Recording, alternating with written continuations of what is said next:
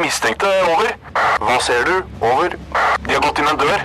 De slår på noe som ser ut som en maskin. Nå går de bort til et høyt bord med noen svarte ting. Kan se ut som et våpen. Over. Vent. Får videre instruks. Over. Nei, vent! Det kommer på en rød lampe. Over. Røverradioen. Norsk fengselsradio. Nytt år, nye muligheter, og vi starter året på best mulig måte. Pernille, vi skal få en gjest. Ja, hva tenker du nå, Tina? Det er jo første gang vi har besøk her mens du er hos oss. Ja, det er det. jeg. er litt, eh, litt spent, litt nervøs og tenker at wow, nå er det røverradio på riktig. Ja, det er deilig med noen nye fjes. Det er det. Velkommen til Røverradioen. Jeg heter Tina, og med meg her på Bredtvet kvinnefengsel har jeg Pernille. Jaho! Og i dag så er det en trønder som kommer på besøk her, nemlig roman- og filmmanusforfatter Erling Mo. Ja. Lo. Hvorfor sier jeg Loe. Ja. Lo, Ja. Heter han Lo eller Loe? Han heter Lo, Lo, ja. men det skrives Loe. Men eh, whatever, liksom. Ja. Em, han har jo vært en, han er en veldig produktiv forfatter som har skrevet annet Naiv super, Tatt av kvinnen, Doppler og Ikke minst uh, rumpemelk fra Afrika. Uh, yes. uh, han har jo faktisk publisert nærmere 40 verk og romaner, så det blir spennende å finne ut litt mer av hvordan han er, og hva han tenker om oss som sitter her i fengsel. Mm. Men aller først i dag så skal vi høre fra mannfolka i Eidsberg fengsel. Ja, det skal vi, for det er jo mange innsatte som har levd ganske interessante liv, og da ofte i et samfunn eh, på utsida av det normale samfunnet. Så Røver-Christian har tatt seg en tur på gangen eh, rundt i fengselet for å høre hva slags bok gutta kunne tenkt seg å skrive hvis de fikk den muligheten.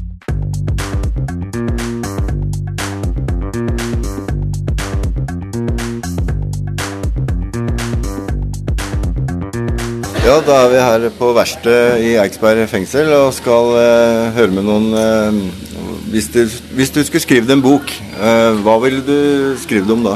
Da vil jeg skrive om norske rettigheter, i, hva man har for noen rettigheter og sånn da. Ja. Eh, norske rettigheter? Ja. Noe utover det som er eh, vanlig? Ja, s- Skjærebehandling av folk, hvordan man eh, behandler folk og sånne der. Riktig? Ja. Ja. Ja. ja, da har vi gått lenger inn på, på verkstedet her på Eiksberg, og vi møter på en gammel kjenning. Hei, Egil. Hei, du Kristian. Du, Åssen går det? Jo, det går bra. Du, vi stiller noen spørsmål. eh, Hvis du skulle skrevet en bok, hva ville du skrevet om da? Oi. Villmarksliv. Villmarksliv? Ja. Ok. Ja, takk skal du ha. Hvis du skulle skrevet en bok, eh, hva ville du skrevet om da?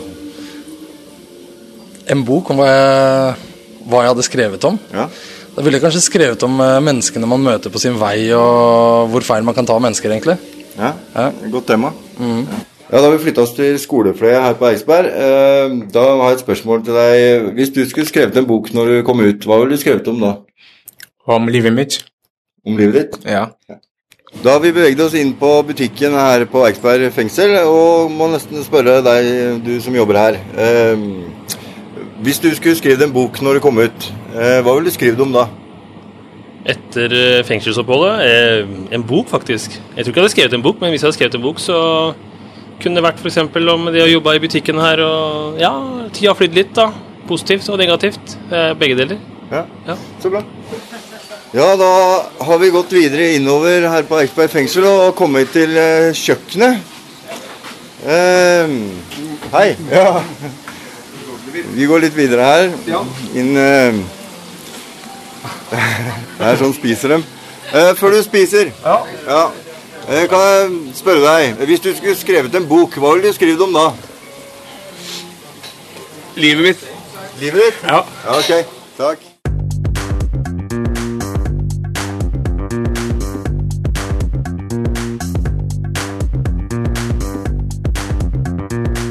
Takk til gutta i Eidsberg fengsel. Ja, det kunne blitt mange fine bøker, det. Men nå har gjesten vår klart å komme seg gjennom alle de åtte låste dørene og inn i vårt studio. Velkommen til oss, Erlend Lo. Hei, hei. Jeg må jo vente til han har satt seg. Absolutt, Tina. Hei, Erlend. Hei. Hei, Pernille. Erlend.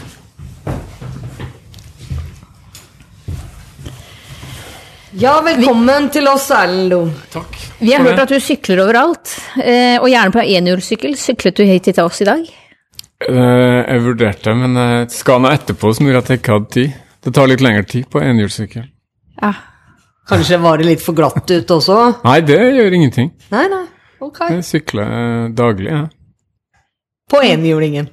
Ja, jeg har et par stykker. da. De har litt store, grove hjul, sånn eh, terrengaktige.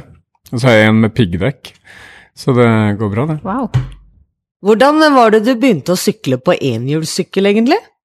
Litt tilfeldig, men uh, jeg prøvde en gang eller to da jeg var 14 år, fordi en kompis av meg hadde. Og så nå for et par år siden så var det en, uh, en som spurte om jeg ville være med å sykle Norge på langs, og så la han til på enhjulssykkel, og da begynte jeg å le, da. Men han, han tulla ikke, så han har planer om det. Jeg vet ikke om jeg skal bli med på det, men uh, da fikk jeg lyst til å se om jeg var, ville vært i stand til det. Så kjøpte jeg en, da. For- en åtte-ni måneder siden, kanskje. Og eh, så har det blitt en besettelse, så jeg har liksom parkert de andre syklene. Det var heftig. Er det vanskeligere Hvor mye vanskeligere er, er det, jo, på my- en det er jo absolutt vanskeligere, men når man har knekt den koden, så er det fryktelig morsomt og veldig stimulerende. Det er sånn konsentrasjonsgreie som jeg ikke har vært borti før. Veldig deilig.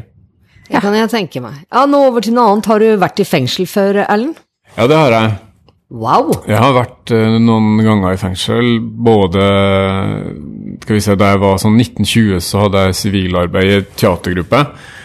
Da var jeg i fengsel noen ganger eh, og liksom opptrådte og spilt stykker og sånn. Og så har jeg som forfatter vært eh, en håndfull ganger i forskjellige fengsel og lest opp og møtt folk, og i Halden har jeg vært, og jeg har også vært besøkt noen i fengsel, så, men det er, ikke, det er ikke daglig. Det er det ikke. Hvordan føles det å være her? Her har jeg ikke vært før. Jeg har bare hørt mye om uh, Bredtveit, at det var et kvinne... Eller har vært og er et kvinnefengsel, og jeg tror ikke jeg har vært i et kvinnefengsel før.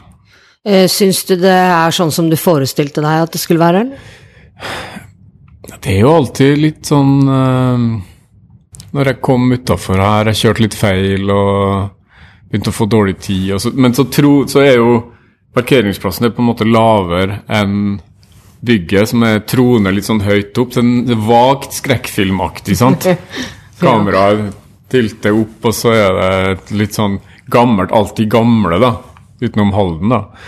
Eh, bygg som er litt sånn eh, Dystre, dystert, ja. og i dag var det i tillegg litt tåke og litt sånn forheksa-aktig følelse, da.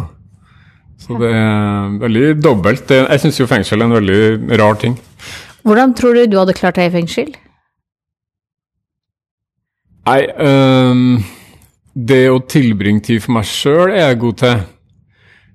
Og i perioder har vært øh, glad i. Men da er det jo en frivillig valgt ting, så det vil jeg jo tro er noe annet. Men, men mange av de tingene jeg er veldig Som jeg liker best å holde på med, lesing, skriving, spille gitar, er forenlig med å være i fengsel. Men så tipper jeg jo at øh, Og der er det mulig at ikke vet, eller det vil jeg jo tro, jeg ikke aner hva jeg snakker om, men de sosiale kodene, hierarkiet, posisjoneringa, eh, tror jeg ville ha vært dårlig på. Det, nå er jeg jo en stor og for så vidt sterk kar, eh, men hvis, hvis litt av det som, stemmer, eller som jeg har sett på filmer og serier opp gjennom årene stemmer, så hadde jeg vært eh, malplassert i et fengsel, da. Jeg tror ikke jeg er aggressiv eh, nok. Kanskje jeg kunne ha lært meg å bli det. Men du kunne overlevd i stille og ro på cella di med hjelp av fantasien, kanskje? Det kunne jeg. Da hadde jeg skrevet. Da hadde jeg tropp, troppa opp eh, tempoet i skriving. Ja, mange av bøkene du har skrevet, de forteller jo ganske, hva skal man si, uortodokse historier. Eh, og vi tenkte derfor at vi nå skulle høre hva Oslo eh, fengsel-gutta der eh, tenker om bøkene dine. Hva tror du de sier? Oi. Eh, Det syns jeg er veldig vanskelig å vite noe om. Um, men eh, jeg håper jo at de vil si at, eh, at de er morsomme og rar på en stimulerende måte. det håper jeg. Ok, det gjenstår å høre. Men vær så god.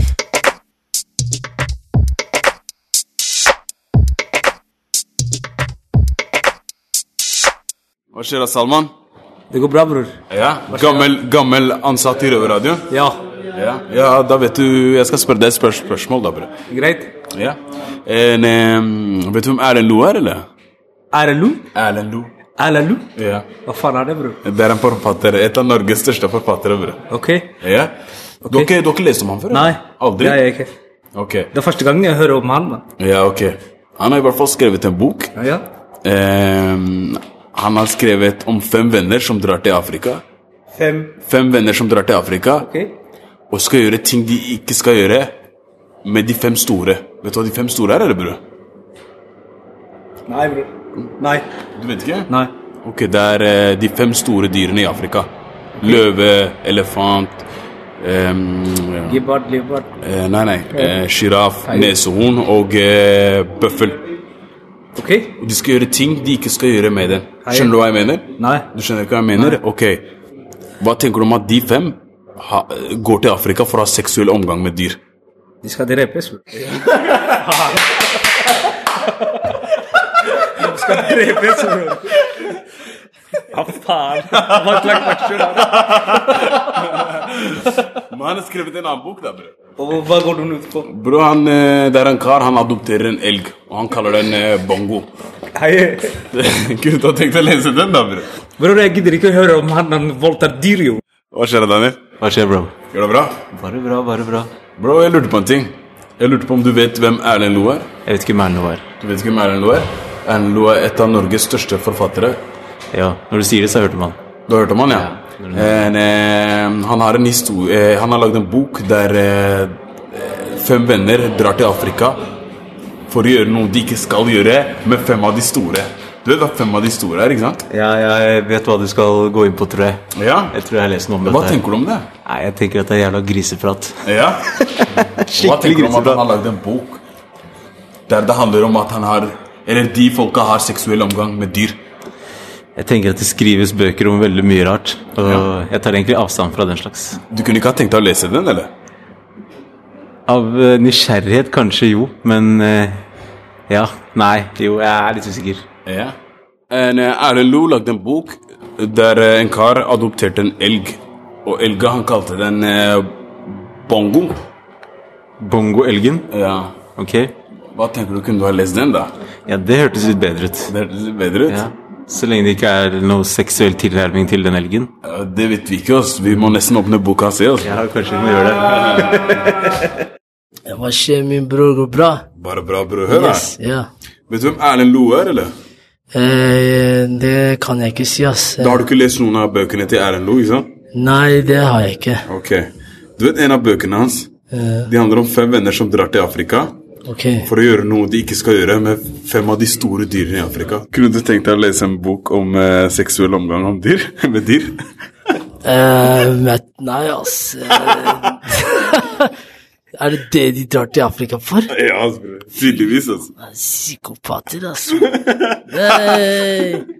Jeg veit da faen, ass. Det høres ikke bra ut. Eh, De kan bare gjøre det ute i skauen i Norge, liksom. Hvorfor skal de til Afrika og gjøre sånn? Eller i det hele tatt, hvorfor i det hele tatt skal de gjøre sånn? Hva skjer, Akuskom? Hva skjer? Går det bra, eller, bror? Bare bra, bror. Du har ikke hørt om Erlend Loe, eller, bror? Nei. En, eh, du vet det er et av eh, Norges eh, Eller det er en av Norges største forfattere. Nei, Du jeg er usikker. Jeg har ikke hørt om han, men kanskje hvis du nevner noen bøker, okay. så har jeg vært sikkert borti det. Ja. Du vet, En av hans bøker handler om fem venner som drar til Afrika for å gjøre noe de ikke skal gjøre med dyr. Så hva tenker du om det, da? Hæ? Ja, de går og banger de dyrene, skjønner du? Hva tenker du om det?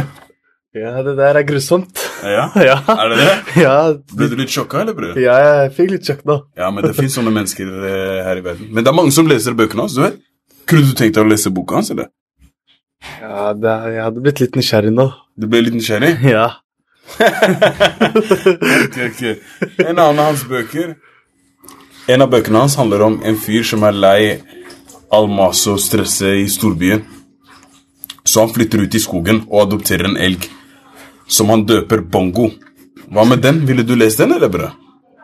Hva er bongo? Det er et dyr han adopterer. Den elgen. Ja, sikkert. Du hadde gjort det? Ja. Altså det er Joakim, er produsent i Røverradioen. Og jeg, eh, mens vi har tatt disse opptakene, så begynte jeg å lure Hva må Erlend Lo skrive for at du skal lese en bok av han, eh, Denzel? I hvert fall ikke om å knulle dyr og sånt, da. Skjønner du? Men eh, Nei, jeg vet ikke, ass. Eh, kanskje litt sånn eh, Jeg vet ikke, jeg leser ikke så mye bøker. Men eh, sånn historie og sånn liker jeg. For nå, nå, nå har du muligheten. Nå kan du komme med en beskjed til Erlend Lo. Hva er drømmeboka di? Hva vil du at han skal skrive neste gang? Neste gang eh, Om sånne store menn. Store generaler i Jeg vet ikke.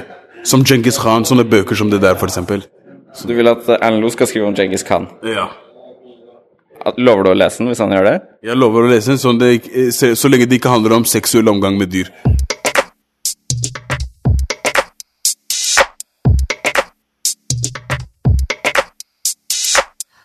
ja ja, hva, hva tenker du om det du hørte her, Erlend? Ja, det var veldig morsomt å høre, da. Og um, fint at de hadde fokusert først og fremst på den ene boka og ett et aspekt ved den.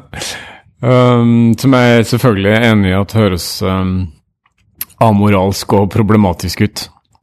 Men uh, det er jo en komedie, og det er en uh, slags rabiat uh, historie om uh, verden, hva vi gjør med verden, hvordan vi behandler alt rundt oss, vi mennesker.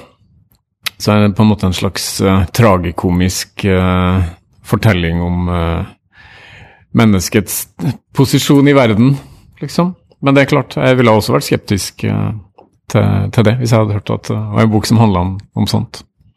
Ja, du skriver jo mye rart, blant annet om en mann som bor oppi et tre.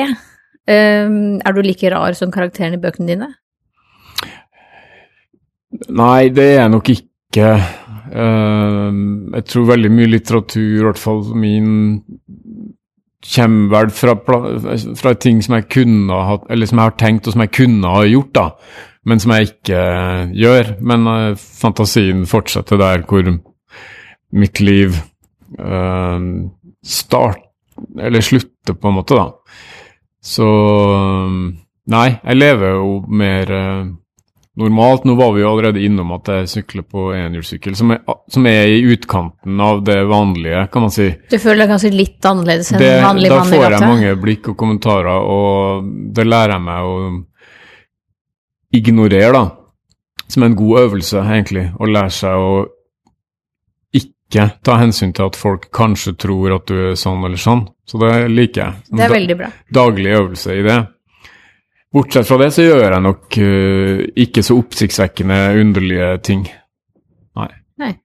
Men du våger å være annerledes? Ja, jeg tenker at livet er for dyrebart og for kort til å gå og bekymre seg for hva andre tenker om meg, eller legge opp livet etter det. Da går jeg glipp av en masse ting som jeg vil gjøre, da. Godt sagt. Um, Vi har hørt at du også har litt autoritetsproblemer. Stemmer det, eller? Er det sant, forresten, uh, ja, at du skrev 'fuck you' på en lapp til en foreleser en gang? Å ja.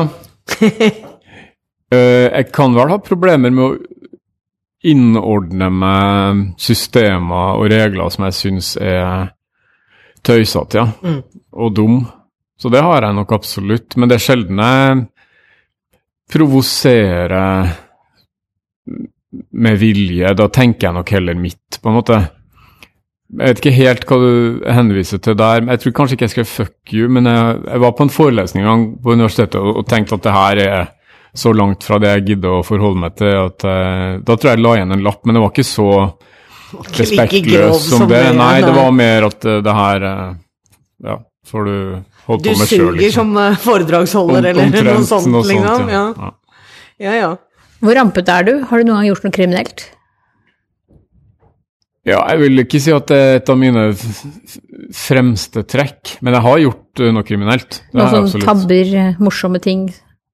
Nei, Jeg har gjort ting som jeg angrer på, som jeg sikkert ikke burde gjort, og som gikk bra fordi det var flaks, liksom. Sånn som man gjør eh, Ja, det kan man jo gjøre i forskjellige aldre, selvfølgelig, men oftest når man er ung og litt brushodeaktig og hjernen ikke har utvikla seg ferdig, da, eller i kombinasjon med rus eller hva som helst senere i livet. Um, men det er ikke et fremtredende trekk ved meg, det vil jeg ikke si. Men har du en bra røverhistorie til oss, da? Som du kan dele med lytterne? Jeg har um, det, er vel, det jo ikke kriminelt, men det, vel- det grenser jo mot å være en røverhistorie. Men det er mer sånn ungdomsaktig. Eller vi var barn, på en måte. 11 og 12, kanskje. Jeg og søskenbarnet mitt øh, som øh, var på hytta vår oppe i Selbu utafor Trondheim. Liksom Selbu-Tydalen inn mot grensa mot Sverige, nesten. Uh, og der hadde vi en kompis øh, som bodde på gården ved hytta vår, og som jeg har lekt mye med opp gjennom oppveksten, egentlig, og var god kompis med. Og han var nok litt mer sånn grenseløs, og det syns jeg var spennende, da. Eh, Så da foreslo han at vi skulle ta Det var ikke dynamitt, men det var ei fenghette fra faren, faren sin eh, liksom eh, utstyrsbod. Og så gikk vi til en sånn nedfallen nabogård som var bare 20 meter eh, liksom bak. Laga et hull i en mur og satte inn den. Og tente på, og så sprang til rommet hans og satt på høy musikk, sånn at vi, ikke, at vi skulle være uskyldige når det smalt. da. Og det smalt selvfølgelig ganske bra, og det, den eh, ødela delvis den veggen. Og da var vi på en måte da var vi i gang. Så da, og da tror jeg vi, søskenbarnet mitt og jeg lurte han litt, stakkars, um, til at det skulle være en god idé å hive alle syklene på den gården ned i møkkakjelleren, f.eks.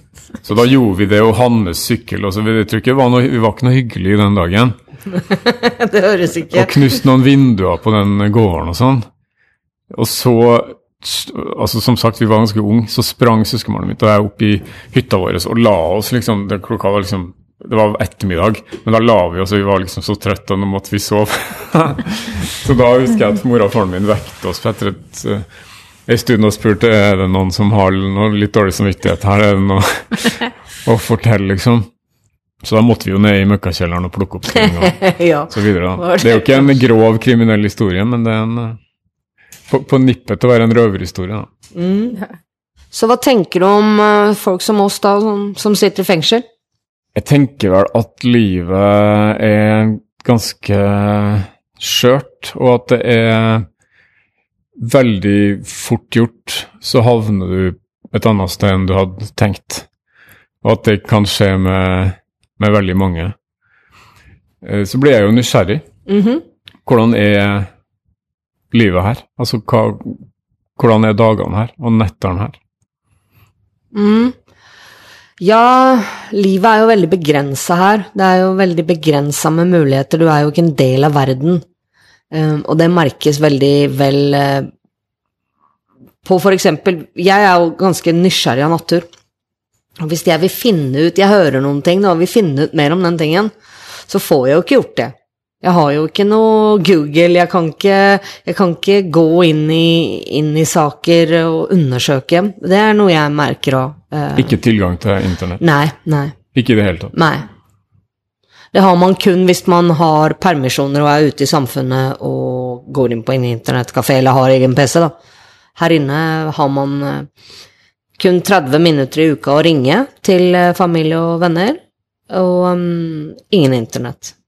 Men tilgang på aviser og bøker? Ja, aviser og bøker. Vi har et bra bibliotek her på Bredtvet, i alle fall. Så, mm, så det er eh, bra.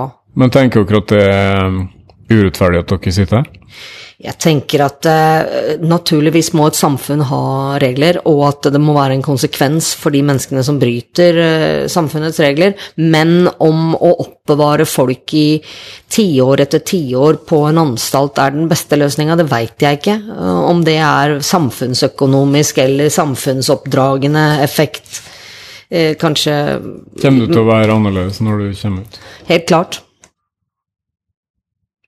Så har det Vil det ha hjulpet deg? Det er vanskelig å, å si, kanskje mm, i, i, til en viss grad. Men mm, etter Hvis man da har gjort noe gærent, da, og ser konsekvensen av det og forsøker forandre seg, f.eks., for eksempel, så må man jo etter en tid også bli gitt nye muligheter for at den forandringa skal bli Ja, kunne rulle på.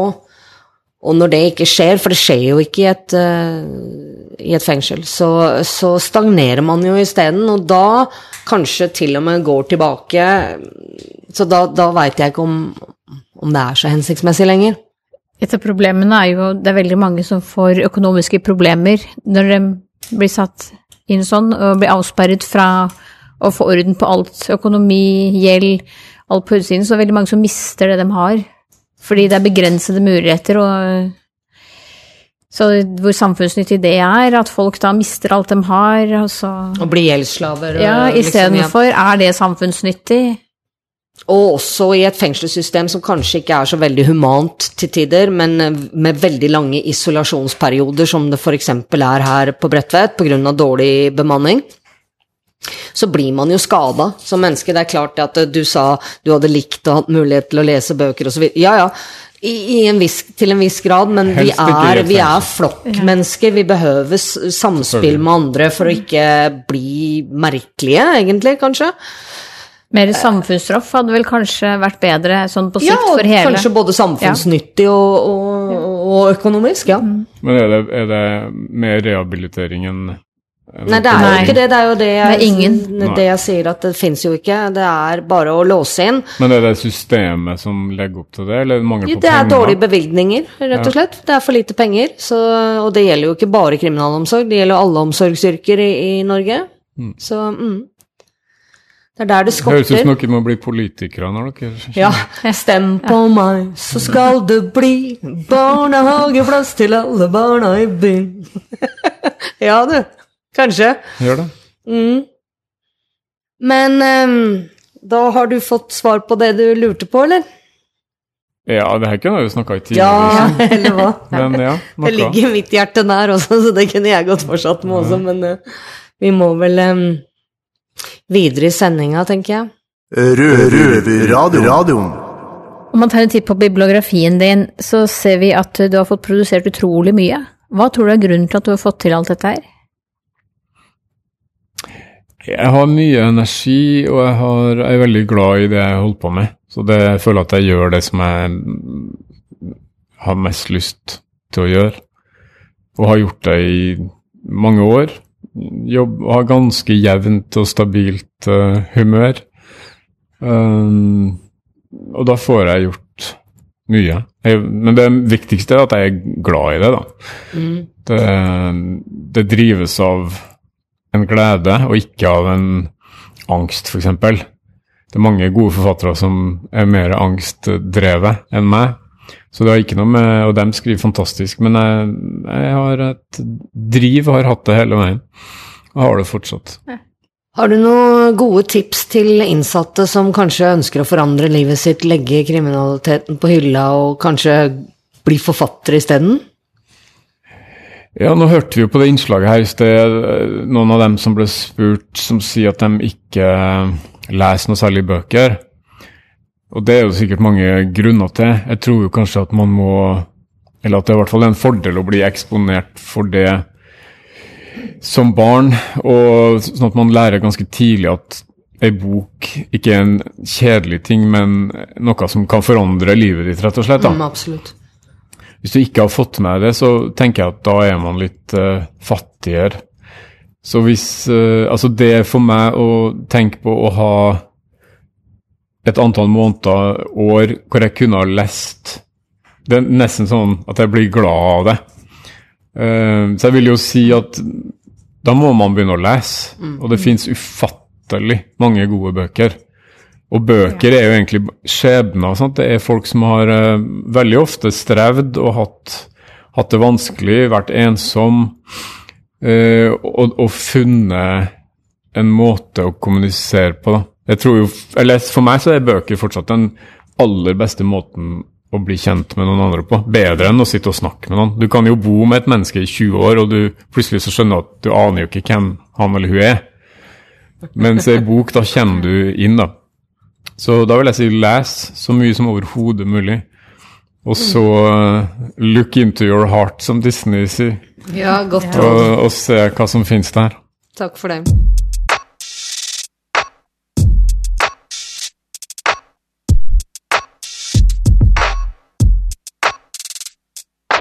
Du har i forkant av besøket fått en liten oppgave av oss. Den lyder som følger. Hei, Erlend. Jeg har en liten oppgave til deg. Mitt navn er Kristian, 35 år og soner nå i Oslo fengsel. Nå slipper jeg mest sannsynlig ut til påske, så oppgaven er hvordan blir livet mitt når jeg slipper ut? Ja, vi trenger egentlig ikke å trippe rundt grøten lenger. Erlend, vær så god. Ja. eh, jeg kjenner jo ikke den eh, Christian som var på lydopptaket der. Men jeg skrev noen punkter om en eh, Christian som kanskje kunne ha vært han på lyden, eller eh, han som var der, eller meg, eller noen andre. I starten så er det litt vanskelig. Litt antiklimaks. Kristian har gleda seg til å komme ut, men så plutselig er han ut, og så er det nesten som om det er litt tomt. Han mangler retning og sitter en del hjem og tenker og sturer. Henger litt med noen kompiser, men har liksom lova seg sjøl mens han satt inn at han skulle ta det mer med ro, og vil nødig rykke inn igjen. Det var på en måte nok nå. Han får nei på et par jobbsøknader og tre til. Det tegner ikke helt bra. Han kommer til intervju på en jobb, men han føler at den potensielle arbeidsgiveren kan se at det finnes en frykt inni han et sted, så det går ikke. Det blir noen småjobber her og der, litt cash i hånda. Han stepper inn for en kompis i et flyttebyrå. Kompisen har litt dårlig rygg og må ligge litt. Kristian blir sliten av lange dager med bæring, men liker det litt òg. Slukner med det samme han kommer hjem. Etter en stund går det bedre. Han kommer i god form, blir sterkere. Han blir med kollegaene ut og tar noen øl, innimellom, og det går greit. Treffer noen damer, men det renner litt ut i sanda. En dag sovner han på sofaen når han kommer fra jobb. Våkner litt sånn rundt midnatt, umulig å sove mer. Slår på TV-en og logger seg på Netflix. Han husker brukernavn og passord til en gammel kjæreste. Uten at han vet hvorfor, blir han sittende og se en serie om Andesfjellene. Andes Machicos, som de sier. Det er fantastisk vakkert der borte, syns han. Han har aldri sett noe lignende. Og neste dag våkner han langt utpå formiddagen. I stedet for å springe til jobb, blir han liggende og tenke. Han har bare det her livet. Det her ene livet. Den tanken har merkelig nok ikke, har han ikke tenkt før. Det er en mektig tanke. Og når den først er tenkt, så kan den ikke avtenkes, den fester seg. Han begynner å jobbe mer enn før, og i stedet for å drikke opp lønna, begynner han å legge penger til side. Det tar tid. Tar veldig lang tid. Han begynner også å låne bøker på biblioteket om Andesfjellene, og, som er så lang, den fjellkjeden, sa de. I serien så jævlig lang, 750 mil. Og Han ser den serien om og om igjen. Han ser den i filler og leser om urinnvånerne, om den gamle kulturen og den nye. Han leser om klærne og om dyrene og maten og alt mulig. Han begynner å lage maten, blir helt oppslukt av det. Han får tak i kokablader og begynner å tygge på jobb mens han bærer. Det er ikke en rus, men det er godt likevel. Han bærer lettere, liksom, og går raskere i trappene. Etter nesten et år har han de pengene han trenger. Kjøper seg en flybillett og flyr til Argentina. Haiker til Patagonia. Det var det vakreste stedet i TV-serien. Han er høyt oppe i fjellene, med endeløse skoger og elver og nesten ingen folk. Han finner en landsby hvor det brygges øl og lages god mat. Det kommer turister dit, men en avslappet type turister. Med det samme han kommer dit, så vet han at det er der han skal være. Han kan ikke språket, får seg et rom å bo på, han begynner å gå i skogen, i fjellet han går og går. Om kveldene sitter han i den lokale kafeen og plukker opp litt språk, får seg en liten jobb på kjøkkenet. I starten uten lønn, men siden han er lett og lik, så baller det fort på seg. Plutselig hjelper han til med ølbrygging og en fantastisk prosess, synes han. Smaker på øl og drikker det òg, men ikke så mye som før, han trenger det ikke lenger. En søndag går han en lengre tur enn vanlig, roter seg ned i en dal han ikke har sett før. Det begynner å regne, og han blir kald og sulten, og han må tilbringe natta ut. Får ikke til å tenne bål pga. regnet. Om morgenen er han forhutla og nedkjørt og karer seg videre. Så ser han et hus langt bort. Lite hus med røyk fra pipa. Og når han nærmer seg, ser han en kvinne som vasker håret sitt i en stamp på tunet. Hun retter seg opp når han kommer, Og han elsker henne fra første stund. Det er som om hun har venta på han. Hele stedet har venta på han. Hun har sauer så farger av ull og selv. Det er ikke stort hun trenger der ute. Kristian flytter rett inn, så er det dem to. Det har alltid vært dem to. De har bare ikke visst om det. Mariana heter hun. En natt drømmer Kristian om en maskin. Han husker alt når han våkner og skriver det ned, nesten som en automatskrift. Det er en slags bruksanvisning. Mariana hjelper han, og sammen bygger de maskiner, men det mangler noe. De kommer ikke helt i mål. Så drømmer Mariana resten av maskinen, og de bygger den siste delen. Det er en motor, viser det seg, som går på vann.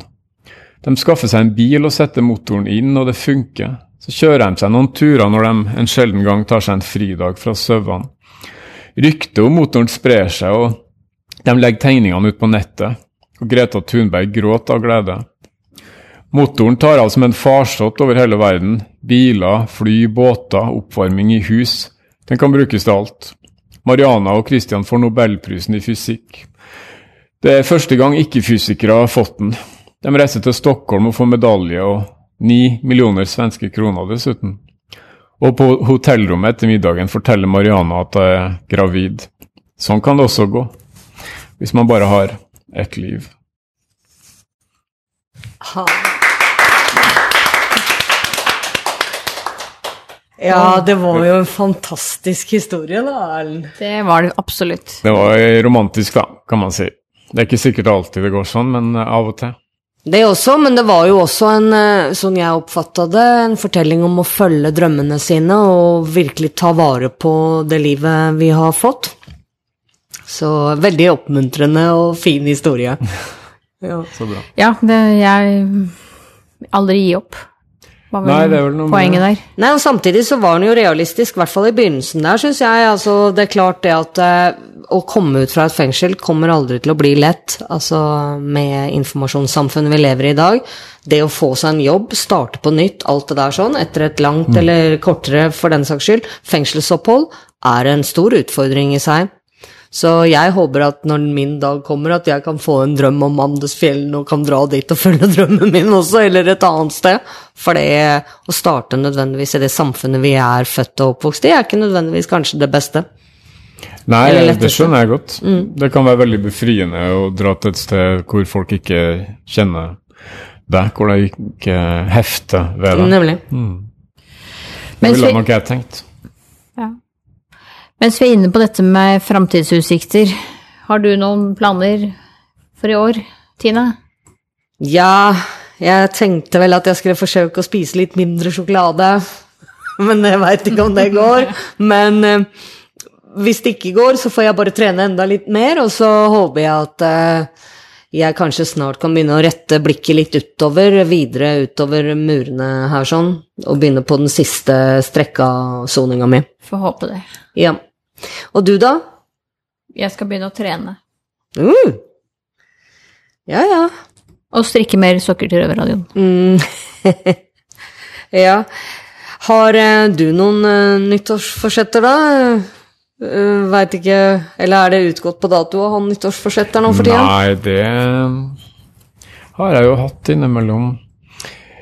Nei, jeg tror jeg skal fortsette med mer av det samme. Har det, det funker greit, det meste. Um, jeg er ganske distrahert for tida når jeg jobber, så jeg kunne jo kanskje prøvd å bli litt mindre distrahert. Men uh, nei, kan man ingen- eh, spørre hva det er som distraherer deg Eldine?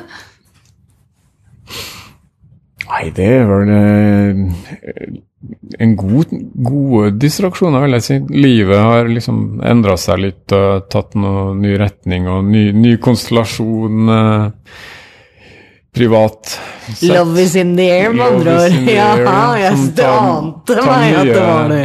Ja. Mye hjernekraft som går, går med Sånn til er det med kjærligheten, ja. Men det er jo fint, det. Mm. Nei, jeg har det bra.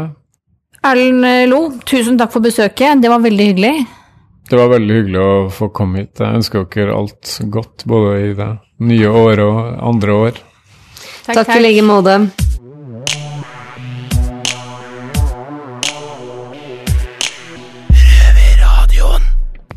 Selv om dette er begynnelsen av nye året, så begynner vi faktisk å nærme oss slutten av sendinga, Pernille. Ja, hvordan syns du det har gått i dag? Nei, det gikk jo nesten litt bedre enn forventa, da. Jeg, han var jo veldig lett å like, Erlend og ja. Han var det. Pernille, hvor er det folk kan høre oss nå for tida? De kan høre oss på P2 på lørdager halv fire, eller på podkast. Når du vil, og hvor du vil. Hva er topp? Hva skal du etterpå, da? Mm, jeg skal lese i den signerte boka jeg har fått. Og du, da? Jeg skal også lese den. Vi fikk nemlig hvert vårt eksemplar av Dyrene i Afrika, som jeg nå er um, oppriktig spent på å lese. Yes. Men da så, da har vi en plan for dagen, og da er sendinga over. Takk for oss på Bredtvet, over og ut. Ha det. Det har vært stille fra over en time. Hva skjer? Over. Det er bare et radioprogram. Det er lettere å høre på dem der. Over. Ja, vet du når det går, da? Over. Det er samme tid og samme sted neste uke. Over.